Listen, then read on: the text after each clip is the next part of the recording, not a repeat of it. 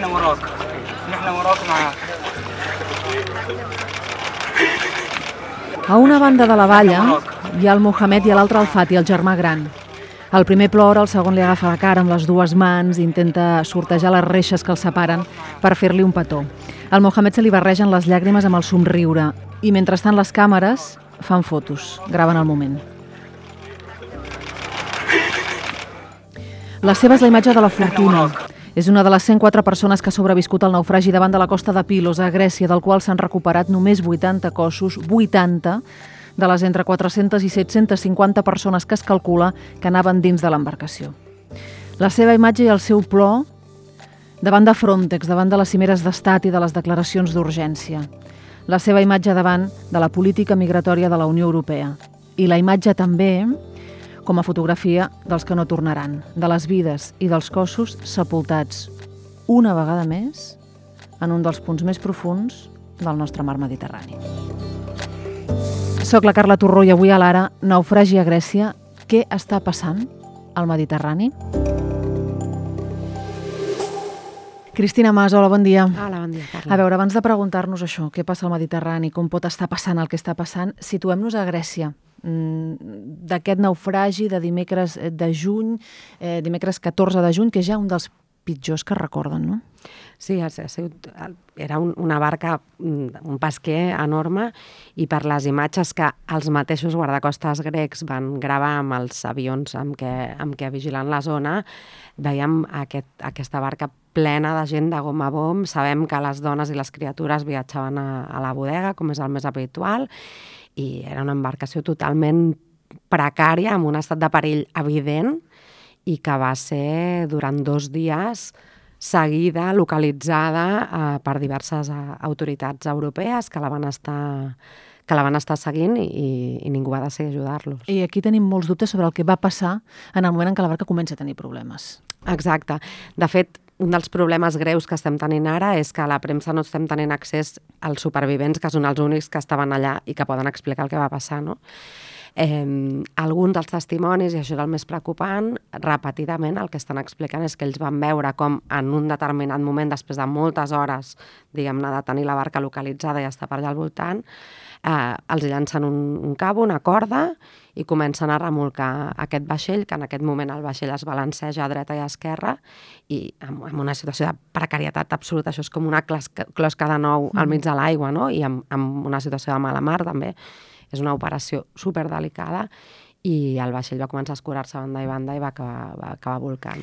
Les autoritats gregues han imposat el silenci, ara com deia la Cris, impedeixen els accés, no? l'accés de la premsa als supervivents, i això ho ha comprovat eh, des del terreny precisament la corresponsal de, de l'Ara, Caral Castillo. Hola, bon dia. Bon dia, Carla. Doncs des de que van ser traslladats primer al pavelló portuari de Calamata i, de, i després el divendres al centre de recepció i identificació de Malacasa, al nord d'Atenes, les autoritats gregues no deixen que els supervivents de la tragèdia parlin amb la premsa. Si bé doncs, en un primer moment van dir-nos que era per la salut dels joves, que evidentment es troben en, en estat de xoc, el cert és que a mesura que passen els dies tot sembla indicar que el govern grec té un especial interès en que aquests joves no donin a conèixer la seva versió dels fets. En algunes converses fortuïtes produïdes familiars i supervivents o inclús amb la premsa, no? de manera molt secreta i, i de manera, doncs, com comentava, fortuïta, les persones rescatades posen en entreït la versió dels guardacostes grecs i asseguren que va ser la seva intervenció precisament no? el que va fer que l'embarcació s'enfonsés. Durant les últimes hores, cada vegada a més han aparegut testimonis que donen aquesta versió dels fets. I malgrat aquestes dificultats, Caral, eh, què has pogut veure de com estan eh, això supervivents i familiars? Doncs el que hem pogut veure és molt poc eh, dels supervivents al pavelló de Calamata. Durant les primeres hores molts d'ells van patir crisis d'angoixa i alguns eh, doncs, pateixen estrès posttraumàtic se'ls veia quan sortien a fumar o al bany i, i la veritat és que se'ls veia molt, molt cansats les primeres hores. El dia que van marxar sí que se'ls veia una mica de més contents, però la sensació general era d'abatiment. Un cop al camp de Malacasa el que vaig notar és que alguns tenien ganes de parlar. De fet, com comentava abans, sembla ser que alguns testimonis tenen ganes d'explicar què va passar realment. Pel que fa a les famílies, doncs arribaven amb molta inquietud, la veritat, eh, es van veure algunes escenes d'alegria, no? com la foto, la, el retrobament familiar entre dos germans que ha donat la volta al món, però hem de pensar que la gran majoria de famílies que es van apropar a les oficines de Calamata van sortir amb, amb una mala notícia perquè les persones que buscaven doncs, no estaven a la llista. De fet, encara hi ha moltíssimes famílies, que algunes que s'han pogut traslladar i algunes altres que no s'han pogut traslladar fins a Grècia, que no saben absolutament res de les persones que busquen, ja que el govern grec encara no ha fet oficial cap, cap llista amb el nom dels supervivents. Hi ha diversos detinguts, Cris, per aquest naufragi. Sí, avui precisament han de passar a declarar davant del, del jutge.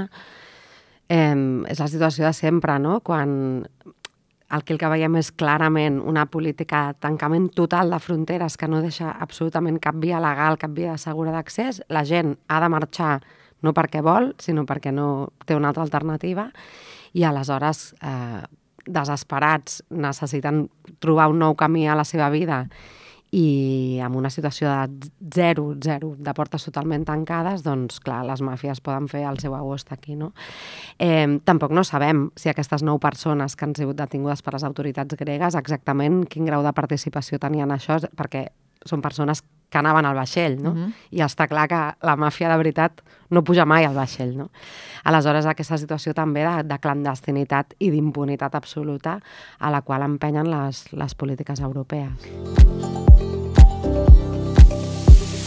Cris, quina és la situació ara mateix al Mediterrani? Doncs mira, ara mateix bàsicament el que estem veient és que els fluxos, diguem-ne que han tornat a la normalitat. No hi va haver-hi un pic a l'any 2015, sobretot lligat a la situació Pròxim Orient, Síria, Iraq, que va, va fer un, no, un, un, un pic en, en el nombre de sortides. Al final van ser un milió de persones mm. per tota la Unió Europea, quan, no sé, països com Líban, no? que tenen molts menys recursos, n'han rebut dos i mig, o Turquia gairebé 5, no? Per tant, tampoc era una situació d'una d'invasió allà o tot això que es deia, no? Hi havia un flux de gent producte d'una crisi puntual que havia de marxar.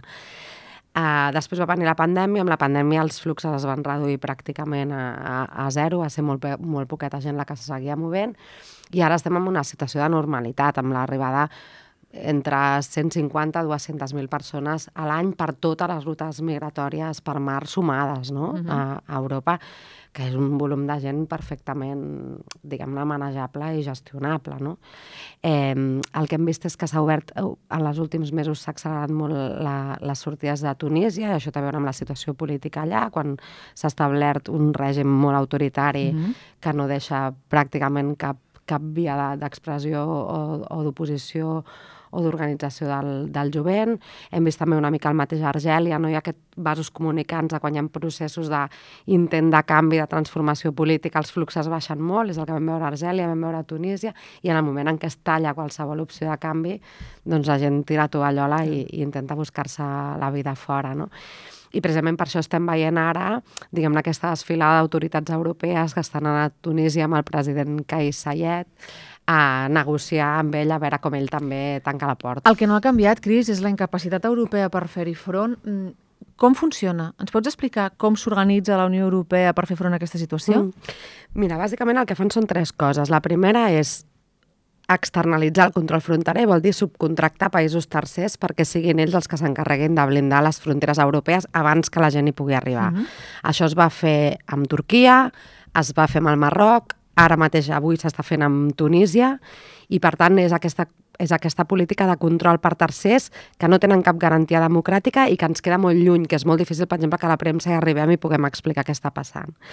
El segon capítol és el, el bloqueig, és a dir, els, els serveis de salvament marítim eh, europeus no només no estan fent aquesta feina sistemàtica de donar resposta a les, a les demandes de socors, de buscar activament a la gent, de treure'ls de l'aigua, sinó que a més a més estan bloquejant que les ONGs que es dediquen a això puguin fer-ho amb tota mena de traves burocràtiques, enviant els vaixells, obligant-los a anar a ports molt llunyans a desembarcar la gent que ha pogut rescatar, detenint-los, arrestant-los.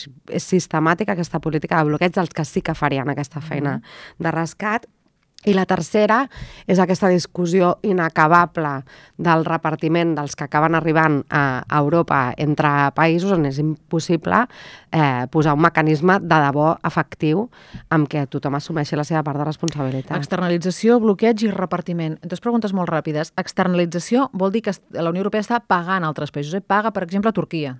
Sí, sí, els acords estan escrits, era un acord de 6 milions de 6.000 milions d'euros perquè s'encarreguessin de la contenció dels refugiats, sobretot de Síria, que arribaven al seu país. Bloqueig. Eh, bloqueig vol dir que ara mateix hi ha mm, salvament marítim de diferents països, que si hi ha un barco que està amb dificultats, els poden, en lloc de portar-los cap a costes europees, enviar-los cap a costes de tornar-los a Líbia?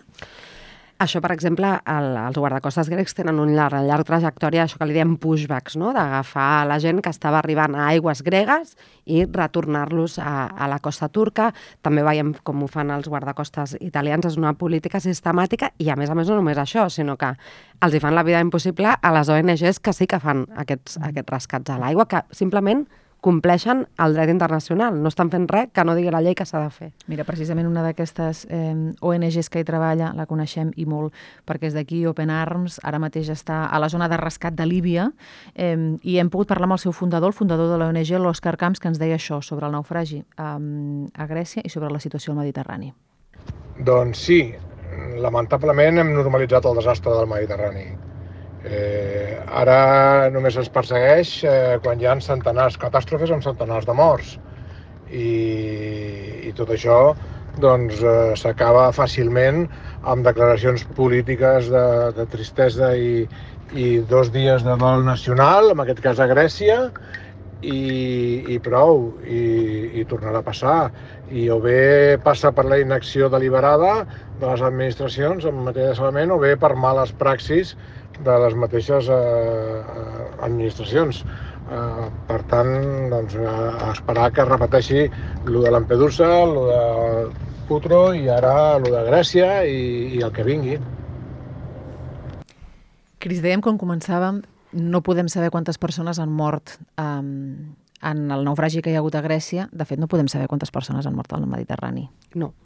I això és, una, és potser el més bèstia de tot, no? i el que et dona més clarament aquesta imatge d'impunitat total i absoluta. No?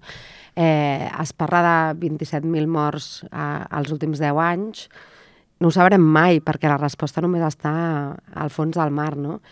Eh, recordo quan jo estudiava història que a les classes de prehistòria m'explicaven que el, un dels primers signes de civilització humana és el moment en què els homínids van començar a ocupar-se dels seus morts, no? I el fet de que aquesta gent gesi al fons del mar sense absolutament cap reconeixement ni tan sols comptar com a número, doncs, doncs em sembla que vol dir que, que estem deixant enrere moltes coses. Cristina Mas, periodista internacional del diari Ara, moltes gràcies. Gràcies, Carla. Marc Moliner, a la tècnica Alba Home, a la producció, jo sóc la Carla Torroixos, avui a l'Ara. Gràcies per ser a l'altra banda.